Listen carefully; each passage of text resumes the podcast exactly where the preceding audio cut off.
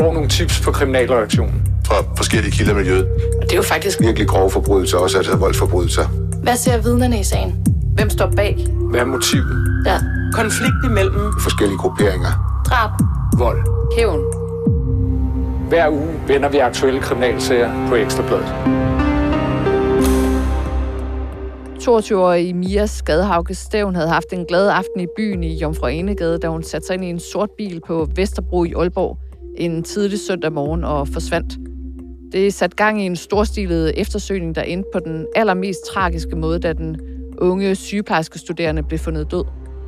Nu er der rejst tiltale mod en 37-årig håndværker. Jeg hedder Linette Krøger Jespersen. Christian Kornø er medvært, og så har vi Jens Hansen Havsgaard med på en telefon. Og Jens, det var jo Nordjyllands politi, der onsdag meddelte, at der var rejst tiltale i sagen. Men de skrev ikke, hvad de mener, der er sket, fordi at anklageskriftet først kan udleveres en uge efter, at det er præsenteret for den tiltalte. Men du kan fortælle lidt flere detaljer. Ja, det kan jeg, for vi har talt med den 37-årige mands forsvar, Mette Grits Stage, øh, umiddelbart efter, at øh, politiet oplyste, at nu var tiltalen rejst. Øh, vi har hele tiden vidst, at det handlede om manddrab, øh, for det har været frem helt fra grundlovsforhør, og det har også gået igen i de her fristforlængelser, der har været løbende. Men derudover kom det så frem i forbindelse med, med tiltalerejsningen, at han er også tiltalt for øh, usømmelig omgang med lig. Man kan sige, at den del har måske ikke været så overraskende i og med, at de fandt øh, dele af et menneske. Men øh, den tredje ting af, af de øh, store, alvorlige øh, sager, som er i det her anklageskrift, det er voldtægt. Altså, politi- og anklagemyndighed mener, øh, at øh, Mia Skadehauke Stævn er blevet voldtaget, inden hun blev dræbt. Og ved vi mere omkring, hvor det i så fald skulle være sket ifølge anklagemyndigheden? Vi ved det ikke præcis, men vi ved, at øh, politiet dengang, øh, mens eftersøgningen stod på, og umiddelbart også efter, at de havde fundet noget, at der efterlyste de vidner fra nogle bestemte øh, steder i Nordjylland, og det var omkring noget, der hedder øh, Sulsted Kirkevej, det er ved Hammerbakker, øh, nord for fjorden der. Og så var det, og det var tidsrummet søndag, øh, tidligt om morgenen fra kl. 6.30 til 7.30, den time efterlyste de vidner, øh, og det tidspunkt kl. 6.30, det vil sige, det er kun godt 20 minutter efter, at øh, Mia er blevet samlet op inde på Vesterbro i Aalborg. Og øh, det skyldes, øh, at det tager simpelthen 20 minutter at køre det stykke der. Så der var de interesseret i at høre, om der er nogen, der har set noget på det tidspunkt. Øh, og derudover så øh, søgte de også vidner for et tidspunkt øh, dagen efter, eller halvanden døgn efter, mandag den 7. februar kl. 21.45, altså om aftenen, og så igennem natten og helt frem til tirsdag den 8. februar om morgenen kl. kvart over fem, og det er så det tidspunkt, hvor de mener, at øh, han har arbejdet med noget i Dronning øh, Lund Storskov, og det var øh, i det tidsrum, det var i Dronning Lund Storskov, de efterlyste vidner. Og det er altså der, hvor at, øh, politiet de fandt dele af et menneske. Ja. Hvordan forholder han sig til tiltalen? Vi ved øh, fra hans forsvar, at han øh, nægter manddrab. Det har han gjort hele vejen igennem, siden han blev øh, fremstillet i grundlovsforhør og, og varetægtsfængslet og så fristforlænget. Men, men øh, vi ved ikke, hvordan han forholder sig til de to andre øh, store dele i anklageskriften, nemlig øh, øh, voldtægtsanklagen øh, og øh, usømmelige omgang Det ved vi ikke.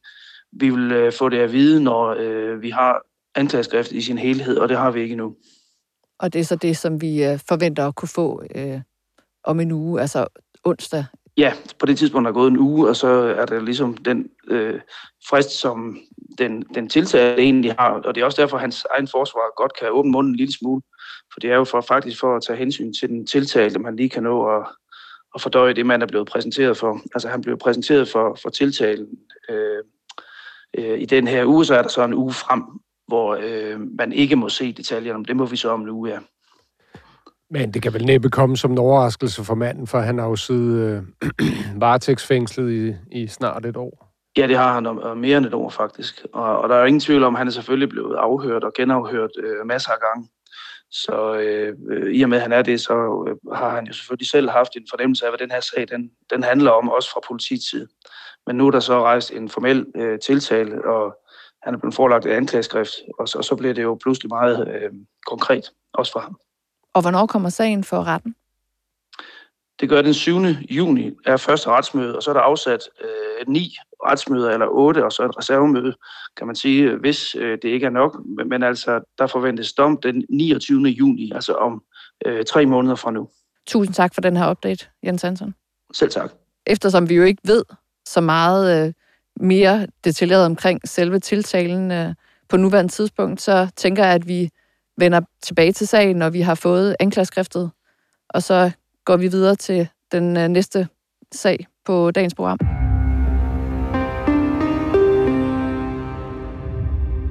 Med en politiforretning tæt på H17, Nordeuropas største fixrum på Halmtorvet i København, får politiet øje på en, en lidt forhudlet skikkelse.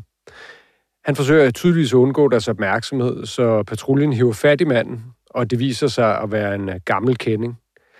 Django Levakovic er en mand, som politiet har haft fat i mange gange før. Kriminaliteten er næsten kommet ind med modermælken, for han er en del af cigøjnerklanen Levakovic, som allerede for mange år siden blev udråbt til Danmarks mest kriminelle familie. Gennem årene har de fyldt meget i Ekstrabladets spalter, og i dag kigger vi tilbage på deres øh, lange kriminelle CV. Med os i studiet har vi kriminalreporter Sune Fischer, og den første journalist til at skrive om Levakovic her på Ekstrabladet, Thomas Jøster Svensson. Han sad dengang i Ekstrabladets gravegruppe, og i dag undersøgende journalist på Danwatch. Det er jo en stor familie, og den kan være lidt svær at få altså et overblik over. Kan du øh, prøve sådan lige at skitsere kort øh, familien? Ja, altså, øh, der er ligesom to, øh, hvad skal man sige, overhoveder. Altså, det er Dusi og hans kone, Rubinka. Det er dem, der kommer til Danmark i 1970. De får så ni børn. Øh, herunder blandt andet ham, vi kender som øh, Jimmy Boss. Altså, det er Jimmy med G. Øh, Træktivdronning Diana er også blandt der. Øh, Stefano er med. Django, som vi også har hørt om. De får ni børn. En af dem bliver knivdræbt i øh, 1983 jura. De ni børn får så øh, x antal børn sammen, cirka lidt over 20 øh, i tredje generation. Øh, det er så dem, vi kender som øh, Jura blandt andet. Øh, Angelo, øh, øh, Santino og så videre. Øh, og de har jo så også fået børn. Tredje generation. Det er også en fjerde generation i dag. Og blandt dem øh, er de ældste der omkring 14 år. Dusi var jo overhovedet for øh, Sigøjnerklanen i, i, i mange år her i Danmark også. Øh, men øh, han døde så i, var det 2005? I marts 2005 døren, ja. Og, og så får han jo, altså han bliver begravet i Holland, synes jeg, du har fortalt mig. Ja, altså jeg snakker med en kilde, som var, øh, som var med til hele, hvad skal man sige, begravelsesseancen, og det der sker er, at man kører øh, Øh, Dusis kiste til Holland ned til øh, Santa Barbara øh, kirkegården i Utrecht, hvor der er et, et særligt rumafsnit. Øh, og han fortæller så nogle scener om, hvor de ligger i en lille karavane og kører øh, med den her kiste, hvor der simpelthen sker et lille færdselsuheld, og kisten simpelthen ryger halvt ud af bilen. Øh, og det er øh, måske også, som han fortæller, det er jo lidt historien om Leverkusen. Altså, det er pomp og, og kaos, fordi øh, da de så kommer frem til kirkegården, øh, så viser det sig, at de har bestilt et kæmpestort øh, gravsted i sort marmor, øh, der efter sigende skulle koste over en million kroner, og øh, da Dusi så bliver båret hen og skal lægges, øh, lægges til hvile, er det så til tonerne af Godfather øh, i baggrunden, øh, mens der selvfølgelig er gråd og, og, og kaos. Det er jo både klassisk, men også samtidig meget, meget klichéfyldt, lyder det til at være.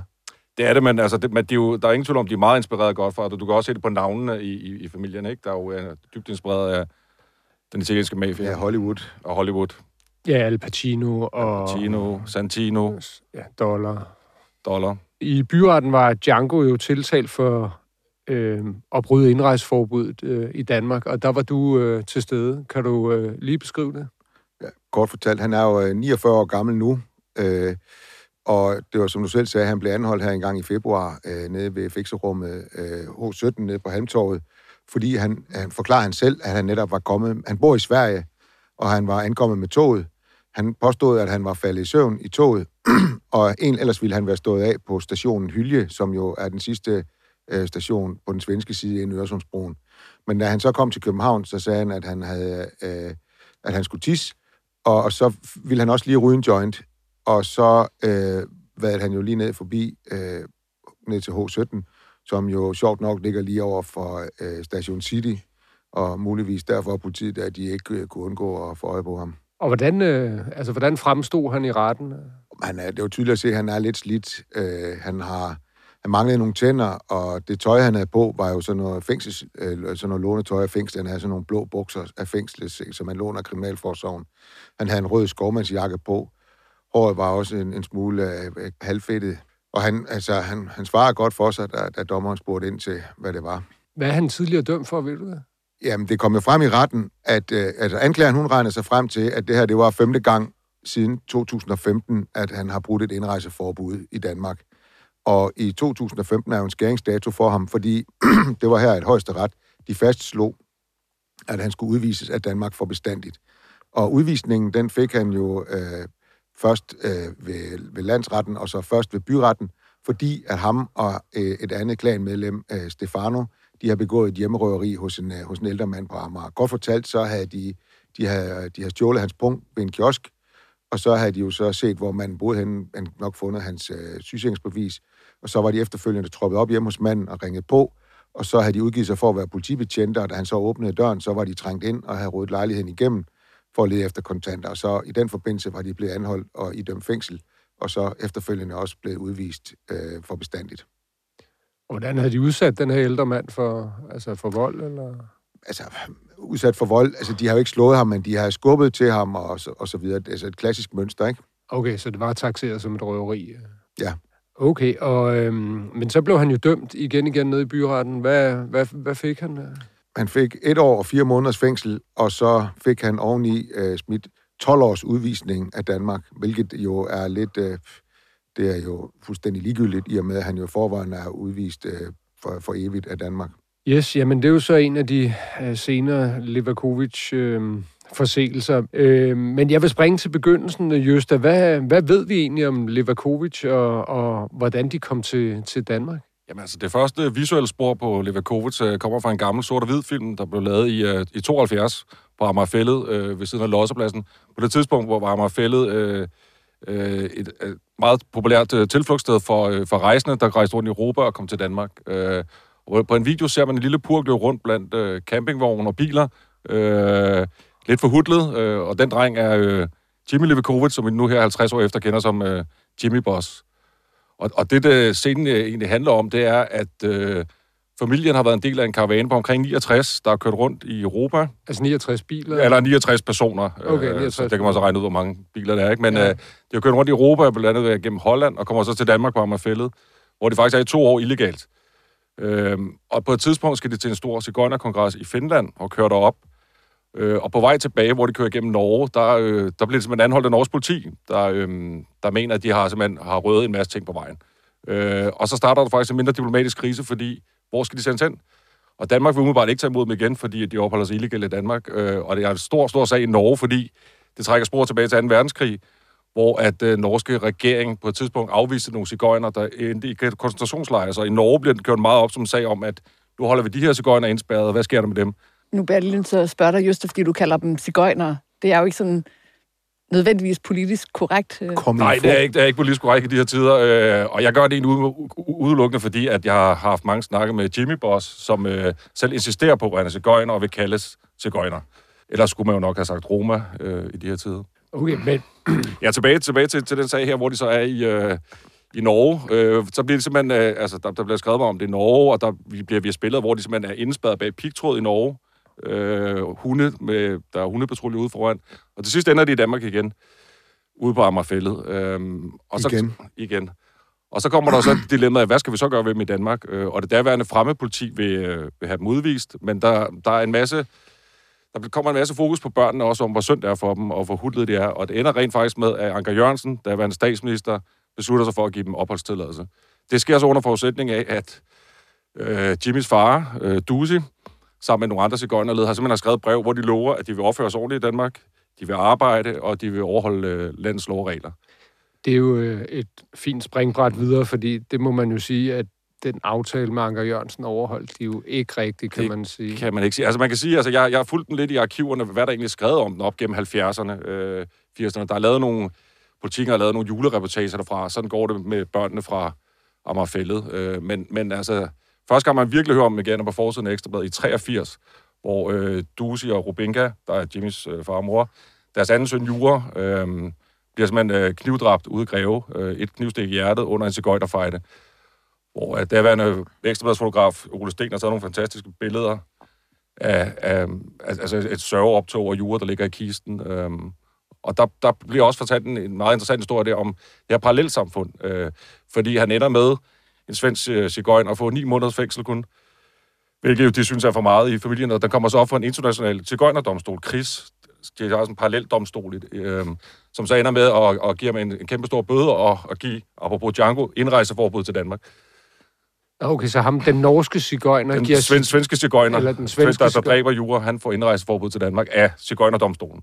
Hvor i den danske rets, i den danske ret får han ni måneders fængsel, ikke?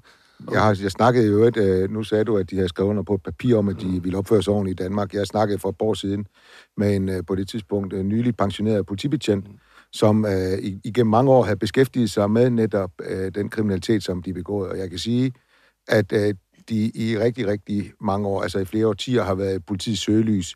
Og jeg kan også sige, han fortalte også en anekdote om, at øh, det må have været Dusi, han kørte rundt i den her store Mercedes, som var indregistreret på hollandske plader. Det her, det var jo før EU og det grænseløse samfund. Og dengang, der måtte man jo kun køre et halvt år på en udenlandsk indregistreret bil i Danmark, og der på et tidspunkt, så blev politiet så trætte af det, øh, at de rent faktisk klippede pladerne på den her Mercedes. Men så klagede han til nogle myndigheder, og sagde, at det var hans ret, og det var hans livsstil som cigøjner, og han havde brug for den her bil, og derfor så fik han rent faktisk nummerpladerne tilbage, og fik smækket dem øh, på bilen igen til, til, til stor fortrydelse for, for politiet selvfølgelig. Så man kan også sige, det tager også et billede af øh, vores samfund dengang, hvor, hvor fagnende det egentlig var. Præcis. Det må man sige, men øh, samfundet er ikke så fagnende længere, og øh, deres kriminalitet bliver også øh, langt grovere, kan man sige, ikke? Øh, Jo, altså det går galt i 2005, da overhovedet Dusi, også kaldet Papo, øh, dør. Øh, der kommer en, en intern strid mellem brødrene. De er jo, der er jo første generation, som er Dusi og Rubenga. De, det er dem, der kommer til Danmark. På det tidspunkt har de og der er fire eller fem børn, der de kommer til Danmark. Blandt andet Diana, som siden er blevet kendt som træktugdronningen, er jo ikke særlig gammel der. Giovanni er der. Øh, Django bliver født i 73, så det er lidt efter. Men, øh, men de her brødre kæmpe lov, hvem, hvem skal overtage magten i, i familien? Øh, og der er nogle interne stridigheder. Men der er ikke nogen tvivl om, at de kilder, jeg snakker med, siger, at altså, Dusi Papo, han holdt sammen på familien, og sørgede også for, at de ikke blev taget, og ikke begik sådan, altså, alt for, for grov kriminalitet. Men det smuldrer, da han dør, og man kan se, det eskalerer også øh, blandt især tredje generation, begynder at gå- begå grove grove krim, øh, kriminalitet. Altså. Og tredje generation, det er jo Jura Det er dem, vi kender, Jura, Dollar, Albertino, Angelo, Santino. Okay. Og, øhm, og nu siger du selv Jura, altså han, jeg husker jo en af, en af de sådan, øh, altså tidlige domme, han får, det er jo øh, for nogle forseelser nede på strøget, ikke? Øh, Kan du huske? Jo, altså det er, det er under... Er det da Danmark vinder EM, tror jeg? Øh, eller der er i hvert fald fodbold, og der er gang i København, og, øh, og det ender med, at ham og hans fætter, øh, Angelo, og to andre får lukket en, bliver hun beskrevet, en 30-årig retarderet kvinde ind på et øh, handicaptoilet nede på strøget nede på Torv, øh, og går en gruppevoldtægt mod hende. Øh, det er første gang, man ligesom hører om ham, men du hører selvfølgelig ikke hans navn, øh, og det er også det, der måske der er med familien. De, er jo selvfølgelig, de begår selvfølgelig kriminalitet, men, men der er ikke ligesom nogen, der samler tråden og finder ud af, at det er altså en familie, der står bag. Jura fortsætter så efter det her også med at begå øh, gaderøverier, øh, og da han er 14, begår han sit andet bankrøveri. Øh, På en, var det en arbejdernes landsbank ude i Mimersgade, tror jeg, det var. præcis, hvor han siger, øh, fucking danskere, da han forlader, øh, forlader banken. Øh. Okay, jamen det er jo en hilsen, der er til at tage at føle ja. På. Men du siger jo selv, at der er ikke rigtig nogen, der ligesom samler trådene, men det, øh, det gør vi jo så her på Ekstrabladet. Kan du, øh, kan du fortælle om, altså, hvornår er det, man ligesom altså, opdager, at, øh, at der er denne her sammenhæng? Ja, det sker i, øh, i 2011, hvor en anden øh, kendt bandeleder, Fisfis, fra, fra Volsmose, han øh, bliver udvist. Øh, og vi har et redaktionsmøde, hvor vi kan snakke om, fordi der bliver også beskrevet dengang, da han blev udvist, at han, altså, han en stor kriminel familie. Og vi diskuterer, jamen, hvem er egentlig Danmarks mest kriminelle familie? Øhm, og øhm, der er mange bud på det. Vi ringer til nogle politikhilder, og der er et, et navn, der bliver ved med at dukke op igen og igen, og det er Levakovic.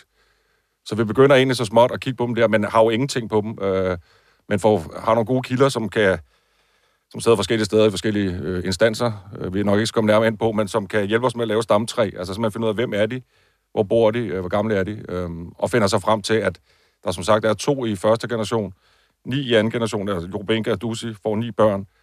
Tredje generation er så omkring øh, 20, og der er jo så en fjerde generation i dag. Retfærdigvis lige siges, at de jo ikke alle er dømt for kriminalitet. Nej, altså øh, i, i første generation, der ved man, at Dusi er dømt. Rubenka har man ikke nogen straf. I anden generation er samtlige medlemmer dømt. I tredje generation er samtlige myndige medlemmer dømt for kriminalitet af den ene eller anden art. Og så er der jo sket en udvikling efterfølgende, at de er begyndt at skifte navne, nogle af dem også, så det gør jo også, at det er sværere for os at følge med i, hvad der egentlig sker. Hvad hedder de egentlig, de der navne, Linette? Det er jo ret pudsigt, hvad de så har taget navneforandring til. Vi ved for eksempel, at der er en uh, Silvia Winter, mm. som er i den uh, seneste corona-retssag, som vi også kommer til senere. Jeg tror, Angelo hedder en Christensen i dag, ikke? Så. Jeg mener også, der er en uh, Hoffmann. De startede ud med nogle ret atypiske navne, ikke? Altså Dollar, Al Pacino... Øh, Det, det hedder det så stadig til fornavn, kan Ja, man ja, sige, det men- hedder de. Ja, ja, men, men det, det er jo... Ja. Men jeg kan huske dengang, øh, hvor øh, altså, I, I begyndte at, og vi begyndte at kigge særlig, altså, nærmere på dem. Altså, der fik I jo også et notat, fordi øh, jeg tror, det var fra Københavns Kommune. Kan det ikke passe? Jo, altså, der blev, da vi begyndte at skrive om det, der lå lige pludselig sat fokus på den her familie, også fordi vi jo skrev om, at øh, ingen af dem, øh, på trods af det Duse lovede der tilbage i 72, havde haft et arbejde. Det vi begyndte at skrive om i 2011, men havde levet offentlig forsørgelse. Og intern revision i Københavns Kommune besluttede sig for at kigge nærmere over den her familie og finde ud af, hvad, hvad har- får de egentlig af offentlige ydelser. Og for det første finder de 113 øh, simpelthen fejl, der er begået i sagsbehandlingen, hvor de har fået penge, de ikke var berettet til.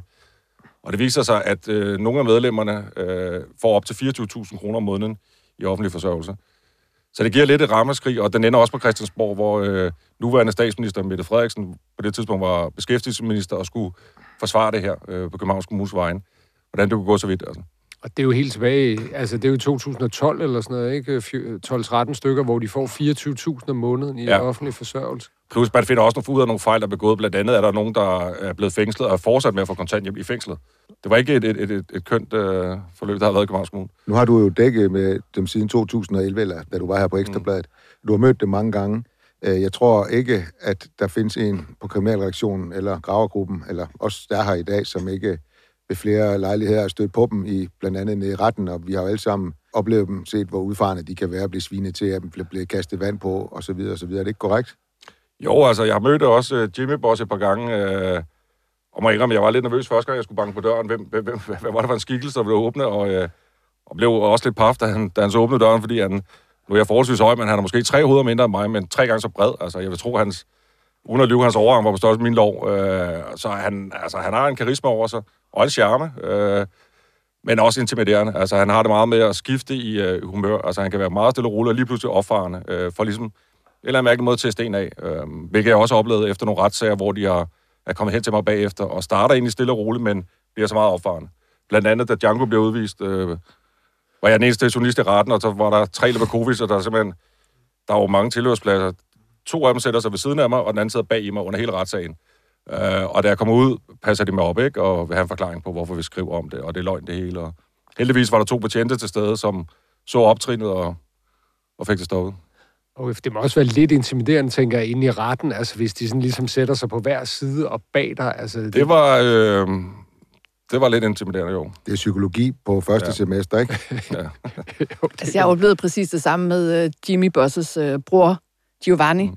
som også uh, skifter mellem det der med at være faktisk uh, sådan virkelig flink, og man kan have sådan en samtale med ham, og så lige så farer han op som en trold af en æske, og bare begynder også sådan at skælde og smælde. Altså, så det er præcis det samme uh, familietræk, Mm. mm. åbenbart. Ja, og du har jo også øh, altså været nede til en af, en af de senere retssager, Linette, altså, som også øh, altså viser meget typisk, hvilken, altså, hvilken type kriminalitet de ligesom har altså, specialiseret sig i inden for de sidste mange år. Ja, fordi de er jo dømt for en bred vifte af kriminalitet, som vi har været igennem, også meget alvorlig kriminalitet, som hjemmerøverier. Men overskriften er jo sådan noget plattenslageri af trikteorier, altså alt, der sådan kan skaffe en, en mønt. Og så er det jo primært svage og ældre ofre, de går imod. Og Ja. det kan vi jo i, altså, i høj grad se i den her seneste corona-sag, hvor, de, øh, hvor fire familiemedlemmer de er, var tiltalt for at have udnyttet coronasituationen til at begå diverse øh, trikteorier mod ældre. Altså så man udnyttede den her periode, der var, hvor alle var bange for øh, corona, der var restriktioner, og det særligt var ældre, der var udsat, og der var ikke nogen øh, vaccine. Og det er meget godt illustreret i forhold Men, men lige for at høre, altså, så, tog de, så tog de simpelthen hjem og bankede på hos de her ældre og sagde, at de kom fra myndighederne, og de skulle ind i lejligheden, eller hvordan? Øh? Ja, det var lidt forskellige modus, men øh, det var øh, historier som, at øh, de skulle ind og spritte af for corona. Okay, og så røvede de, hvad der var i lejligheden? Jeg er faktisk ikke røvet, men, øh, Men stjal. men stjal øh, ting. I visse tilfælde kom de derfra med ingenting. Men modus var altså det her med at være, øh, altså have en maske på, øh, havde gummihandsker på og sådan noget. Ikke? Så, øh, så der ligesom blev skabt den her tro på, at øh, der skulle sprittes af for at passe på den her coronasituation. Ja, og så var der jo, som du selv var ved at øh, komme ind på, altså noget, som virkelig altså netop var også for kendetegnende ved den her sag, som viser det her med, at, at, at det er særligt, altså ikke bare ældre, men, men meget ældre medborgere, de går efter, ikke? Ja, det er jo meget illustrativt, at øh, fire af de her ofre, de nåede at dø, at dø inden øh, byretssagen den øh, startede. Og to af dem, de var i så dårlig helbredsmæssig tilstand, at øh, de simpelthen ikke var i stand til at afgive forklaring. Altså, jeg var selv ude på et af gerningsstederne, hvor der stod en øh, rollator foran, og jeg bankede på, og det var tydeligt, at den mand, der åbnede, han var, øh, han var dement. Altså, det gjorde selvfølgelig, at jeg jo så trak tilbage og, øh, og ikke... Øh, ikke øh, brugte noget af det, som, øh, som han sagde. Jeg var også ude hos øh, 89-årige Egon, som også er en af dem, der nåede at dø, at dø. Og det var sådan en sød, gammel, lidt forvirret mand, ikke? som blev udsat for øh, indbrudsforsøg. Så jeg har jo haft en, øh, jeg var nede og dække en retssag også, hvor jeg var tre-fire af dem, en af dem en, en af de lidt ældre kvinder i familien også, ikke? hvor det hovedforholdene, det var fire lignende øh, forseelser begået mod ældre medborgere, og så var der et, hvor at de havde, hun har også, hun, de har stjålet en papkasse med rengøringsmidler ud fra et mindre supermarked ude på Frederikssundsvej, og det her, Frederikssund, øh, det her Frederikssundsvej supermarked, det, altså bestyren, det var, det var en mand med indvandrerbaggrund, og han kom jo ind og forklarede sig. Og så, øh, han havde jo selvfølgelig en, en, en eller anden form for indvandrerdialekt, og så, så, så, så sagde en af de der Levakovic øh, halvhøjt, han kan jo ikke engang tale dansk, ham der. Altså, det siger jo noget om, hvad, hvad vi har med at gøre. Og i den sag, der var der også, altså de her tre-fire ofre, to af offrene øh, var i stand til at møde retten. De to andre ofre, der måtte de rent faktisk flytte retssalen ud til, øh, ud til de plejehjem, hvor de var anbragt, fordi de var så svage, at ikke engang ved politiets hjælp kunne de fragtes ind i retten. Det siger noget om, altså, hvor bestialsk den her kriminalitet er, som de begår, og hvad det er, hvordan de nådesløst udser sig de aller, aller svageste i samfundet. Jeg vil faktisk også gerne nævne en øh, ting mere for den der coronaretssag. Der var fire, der var tiltalt. Det var øh, Jimmy, altså ikke, øh, ikke den ældre Jimmy, men øh, Jimmy Lovakovic, så var det Dollar, så var det Santino, og så var det Silvia Winter.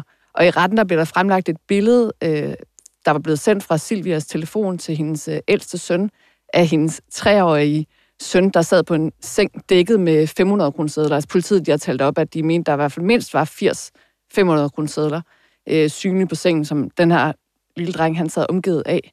Og det passede tidsmæssigt med, at, øh, de, øh, at der var en 91-årig øh, kvinde, som var blevet udsat for øh, røveri. Altså, der var simpelthen en øh, øh, kvinde, der var kommet ind og sagt, at hun var for hjemmeplejen, og havde fået besked på, at hun skulle spritte af i hele lejligheden, og sagde til den her 91-årige kvinde, at øh, det var hendes skyld, hvis øh, folk de blev syge af corona, og truede hende med, øh, med knytnæver. Så hende her kvinden, hun følte sig ligesom tvunget til at sige, at hun havde øh, 80.000 kroner i øh, 500 kroner sedler øh, gemt i lejligheden. Og det forhold, det blev Silvia så dømt for i retten. Det er måske også vigtigt at forstå her, at altså, når, når det gælder familien, at de også bliver oplært i kriminalitet. Altså mange af de her triktyverier, kan man læse i politirapporterne, har børnene været med til også. Der var nogle triktyverier på Østerbro, hvor børnene kom ud og bankede på os ældre mennesker, sagde, at der var åbnet et nyt bageri, og havde nogle romkugler med faktisk, og de ældre inviterede mænd for. Øh, og, og man, man kan jo se på nogle af dem, jeg tror, at Jura var 8 år, da han blev taget første gang for butikstyveri. Så, så det er jo, altså det er jo, man kan jo sige, det er jo også, det her er jo også en historie om, om en totalt forfejlet integration. Altså det er nogle børn, der er lidt, altså, som vi er givet op overfor i vores samfund, altså som vi har overladt til nogle kriminelle forældre, som har simpelthen bare har oplært dem i kriminalitet, og de her børn har jo ikke, de har jo ikke vidst meget bedre, altså, øh, og de blevet kastet rundt på institutioner og, og, og de her kriminelle øh, familiemedlemmer. Det er jo en, en, en, tragisk, øh, en tragisk historie på, på alle måder, både i forhold til, til ofre og gerningsmænd, men altså er de stadig i gang? Øh, og nu tænker jeg ikke kun kriminalitetsmæssigt, men, men der er jo også sådan, øh, altså de, de, fører sig jo også meget frem på sociale medier og den slags. Øh. Altså Jimmy har, af grunden man ikke kender til, har holdt lav profil noget tid, men er nu i gang Og igen det er på- igen den ældre Jimmy. Det er ældre Jimmy, uh, Jimmy, som han jo, G-I-M-I bliver stadig, uh, Jimmy Bossen, uh, har jo lavet profil i et års tid, men er begyndt igen på Facebook med at, at være i krig med andre cigøjnerledere rundt omkring i Europa. Uh, det, man skal forstå, er, at de, de, altså, der er jo i Roma er man delt op i forskellige uh, Stammer. grupper, stammer, uh, og de tilhører en, der hedder Lovaro, som, uh, hvor altså, man skal tænke sig så lidt i, at der jo findes en Jimmy-boss i hver europæisk land. Og, øh, og Jimmy Boss ønsker så at, at kaste ud i diverse verbale slagsmål med dem. Men altså, vi har også tidligere... Og det foregår simpelthen på sociale medier. De det er på sociale medier, men vi har også tidligere beskrevet, at det også er kommet til trusler, altså hvor der er blevet skudt og, og altså blevet kastet diverse dødstrusler over øh, Jimmy Boss. Men kan det ikke, er det ikke også rigtigt, at øh, ved flere lejligheder, så har Københavns politi modtaget anmeldelser fra fra, fra klanmedlemmer, der føler sig øh, truet af andre øh, lignende klanmedlemmer, fordi de har kastet sig ud i, i sådan nogle skænderier på sociale medier. Jo, præcis. Altså, Jimmy har i hvert fald, store Jimmy, skal vi kalde ham det, har i hvert fald anmeldt det til politiet mange gange. Øh, men det er, det er også en interessant historie omkring altså, det her lag, det internationale øh, rum- eller cigøjner-samfund. Øhm, også fordi, at med i de her cigøjnerledere her, er jo så også, at de tillader den her kris her. Altså, der er jo den her cigøjnerdomstol, et ældreråd, hvor Dusi var en af de uh, toneangivende, altså den første, der kom til Danmark, og Jimmy Boss skulle også have en eller anden rolle i det. Uh, og det er klart, at de, de, uh, altså, der kommer nogle straffe der, som, som, som fører til nogle fighter i, i det internationale cigøjnermiljø. Hvad er det for en slags straffe, de kan tildele folk? Jamen det, som vi har snakket om tidligere, det kan for eksempel være et, en indrejseforbud. Men typisk, jeg har set nogle domme, hvor det typisk har været øh, økonomisk, altså. Hvor du altså, har fået en bøde for... Altså, så det, det er penge? Det er penge, typisk de er jo meget inspireret af de her Godfather-film, og de fører sig jo også øh, meget frem på, på de sociale medier, har gjort gennem årene, og, og, og Jimmy øh, Boss, som han kalder sig, har jo sågar fået lavet en, en dokumentar om sig på, på TV2, øh, efter Ekstrabladet havde, havde gjort den berømt. Og hvordan øh, altså fremstår de på, på sociale medier? Den så? Men altså, der er jo ikke nogen tvivl om, som du siger, det, det er den italienske mafia, det vil sige, det er store guldkæder, det er altid øh, dyre jakkesæt, og det er store biler. Jimmy Boss er også meget inspireret af Hugo Boss jo. Øh, han har, altså, han har boss tatoveret på sin arm, og så har han, da jeg besøgte ham, skulle jeg, insisterede på, at jeg skulle se den her Hugo Boss-samling, og han havde måske ja, 20, 20, 20 poloshirt i alverdens afskygning, hvor der stod Boss på. Altså, øhm... Er det korrekt, at han viste øh, de der poloskjorter frem ved at lave sådan en slags Hugo Boss-hjul med en parasol? Han lavede et hjul, hvor han hang op, hvor vi så kunne gå rundt og kigge på dem, øh, og der var fra lilla til Ja, alverdens størrelse. Øhm, og så kunne han ligesom køre det rundt, så vi ligesom kunne få lov til at se det helt tæt på. Øh, Hugo Boss-hjulet. Ja, det er lidt specielt, øh, må man sige. Så det er, altså det er det dyreste dyre, men, men man skal jo huske på, at det er jo også, øh, de penge er jo, kommer fra noget af det mest øh, usle øh, kriminalitet, ikke? Altså hvor de er gået af de allersvageste i det danske samfund, øh, syge og gamle, ikke? Så, så man kan sige, at kriminaliteten følger ikke rigtig med, med, med, med det, de blærer sig med. Altså det er ikke, det er ikke særlig jeg ved ikke, hvad, det er mere forstand på, at jeg er inden for den kriminelle underverden, men jeg går ud fra, at det, her, det er også noget af det laveste at lave og lave, altså over for ældre mennesker, ikke? De begynder jo så at blive udvist på et tidspunkt. Øh, Linetta, du var jo også nede i, i retten, da, da at vi har jo nærmest alle sammen været i retten til nogle af de her udvisningsdomme, men, men du var også nede til, til en udvisningsdom, øh, og hvem var det? Det var under den her coronaretssag, som jeg har været inde på, hvor de fire familiemedlemmer, de var øh, tiltalt for have udnyttet den her coronasituation. To af dem er danske statsborgere, så de kan jo ikke smides ud, men Jimmy, yngre Jimmy og øh, Dollar, de øh, blev begge to øh, udvist. I byretten der blev de udvist i, øh, i ni år, men i Østerlandsret der blev det så sat ned til øh, seks år. Og under sagen der fortalte Jimmy, at øh, foruden hans bror Jura, som er udvist, så har han øh, to onkler og en fætter, der er udvist af Danmark. Og den ene onkel, det er jo så i hvert fald øh, Django. Okay. Og Jimmy selv, han slap for udvisning, øh, altså sidste gang i, øh, i øh, højesteret i 2019, men nu klappede øh, fælden jo altså. Og det er jo fordi, at de har hustru og mindreårige børn her i Danmark, at de øh, har sluppet hidtil, øh, og de kæmper med næb og klør mod udvisning. Øh, og det er jo, altså, det er jo simpelthen øh, med henvisning til, at, øh, at de har familie, at de ikke øh, taler kroatisk, og øh, både Dollar og Jimmy sagde også, at de var syge. Altså Jimmy, han siger, at han har øh, sukkersyge, som øh, han ikke mener kan behandles i Kroatien. Og i Østerlandsret, der skruede han så op til, at nu var den her sukkersyge sygdom blevet 93 procent øh, livsfarlig. Og Dollar, han mener så, at han øh, lider af en form for skizofreni, hvor han øh, hører stemmer. Men man kan jo så i hvert fald konstatere, at i Østerlandsret, der blev det fastslået, at de kan godt udvises det vil være et uh, uforholdsmæssigt indgreb i deres ret til uh, familieliv og udvise dem for bestandigt, men de blev så begge to udvist i, uh, i seks år. Og der havde, øh, var det Dollar Levakovic også en kommentar til dig på vej ud af retten? Eller? Ja, det var faktisk øh, undervejs i den her sag under en af fristforlængelserne, øh, mens at de sad varetægtsfængslet i coronasagen. Øh, det var... Øh, der havde været et retsmøde, hvor jeg havde givet mig til kende, fordi jeg havde protesteret mod et navneforbud, så derfor vidste han godt, at jeg var fra Ekstrabladet. Og øh, uden for retten, så blev han så ført væk med hænderne fixeret i et, øh, et bælte. Og så spurgte han, øh, er det dig fra Ekstrabladet? Og så øh, nåede jeg bare sådan at nikke bekræftende, så sagde han, at øh, jeg har en hård pik. Okay, det er Jamen, det, er det. Vi er jo alle sammen blevet mødt med diverse tilsvininger eller ytringer i den forbindelse. Ja, jeg kan huske, at jeg var nede i, i landsretten, da Jura Levakovic blev, øh, blev udvist, og øh, det kan jeg også roligt sige, det tog han ikke så pænt. Han råbte blandt andet, øh, jeg knæpper det her lorteland, eller sådan noget lignende, øh, hvilket jo er lidt mystisk, når de netop kæmper med næb og klør for at få lov til at blive i det her, de så kalder lorteland. Vi har jo også haft en rubrik på et tidspunkt, der hed Jeg knæpper hele Korsør. Hvem var det, der havde den? Øh... Det var Jimmy Bossen. Store Jimmy. Okay. okay. Altså jeg vil sige, jeg har lige været i retten med øh, Jura, som øh, overtrådte sit øh, indrejseforbud igen og igen. Og der vil jeg altså sige, at han har tydeligvis sådan lige øh, faldet lidt ned, fordi at i den retssag, der øh, sagde han øh, god jul til øh, dommeren, og øh, var sådan set også øh, meget øh, jovial over for mig. Så øh, han er måske blevet lidt øh, mere rolig på sine øh, ældre dage. Han blev dog også dømt for et øh, røveri i den mildere ende. Ikke? Altså sidst, ved sidste retssag her i mandags, der øh, var, jeg, var, var jeg heller ikke helt sikker på, hvad der ville øh, møde mig. Men altså, der var øh, ingen kontakt før til det ret, ved retssagens slutning. Den var jo en halv time. Så vendte han sig om og knækkede sådan, øh, sådan lidt hånende til mig. og det var ligesom det.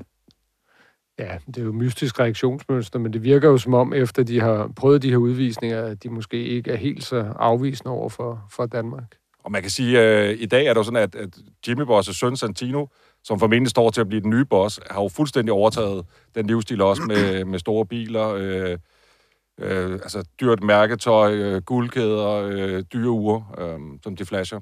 Santino han blev dømt i den seneste corona-retssag, og der fortæller han, at øh, han øh, nu tjener øh, hvide penge, så han har fået fast arbejde som øh, nedriver.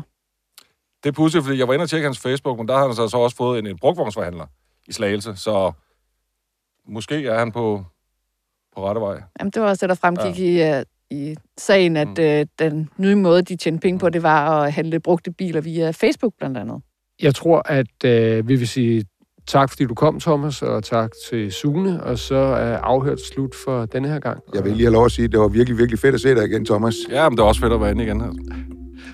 Og øh, I skal også have tak, fordi I lyttede med derude.